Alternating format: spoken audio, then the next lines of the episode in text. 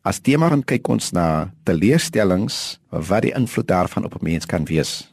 Ek wil vir u sê, teleurstellings kan 'n mens of beter maak of bitter maak. Kan jou gemoed totaal oorval of jy kan daaroor beheer verloor. Dit kan jou gesindheid sleg beïnvloed en dit kan jou negatief en neerslagtig maak of dit kan jou regterwaar geleentheid gee om 'n beter mens aan 'n kan uit te kom. Kan jou leer om te volhard, om standvastig te wees, om werklik geloof te behou.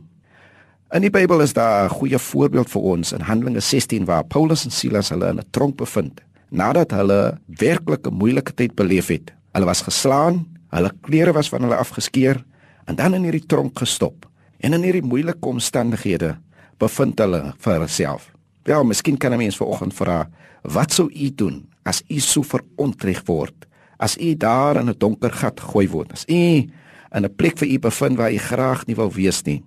Wel, ek lees in vers 25 van Handelinge 16. En die Bybel sê teen middernag was Paulus en Silas besig om te bid en dan lofsange te besing. Kliphard besig om met lofoffers hulle self besig te hou. Die ander gevangenes het lê en luister en hier vind ons manne besig om koortjies te sing, lofliedere te sing, weg te kyk van hulle omstandighede.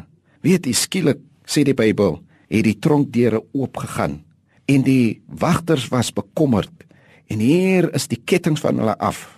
Vryheid was op hande. Ek dink God het ingetree.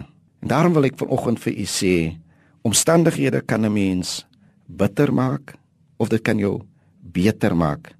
En ek wonder net vanoggend in watter soort tronk bevind u jouself? Watter probleem druk vir u neer? Oorval vir u? Wat of u vas en wat maak dat u dalk neerdrukkend of neerslagtig kan wees? Watter nood maak dat u bekommerd, benoud is?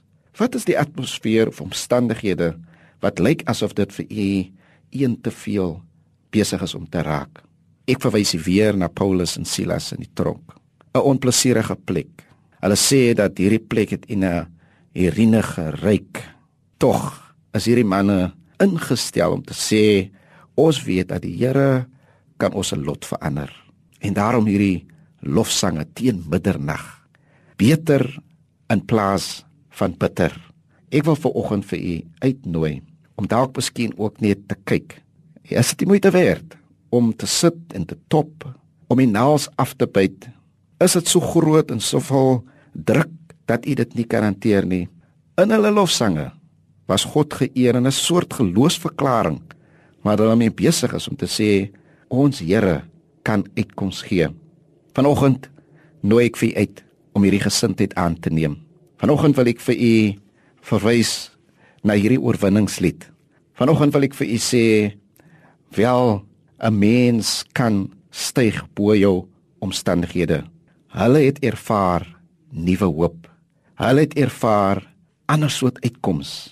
Hulle het ervaar God is met 'n mens. Kom ons skep moet en ons kyk uit na wat die Here vir ons kan doen. Amen.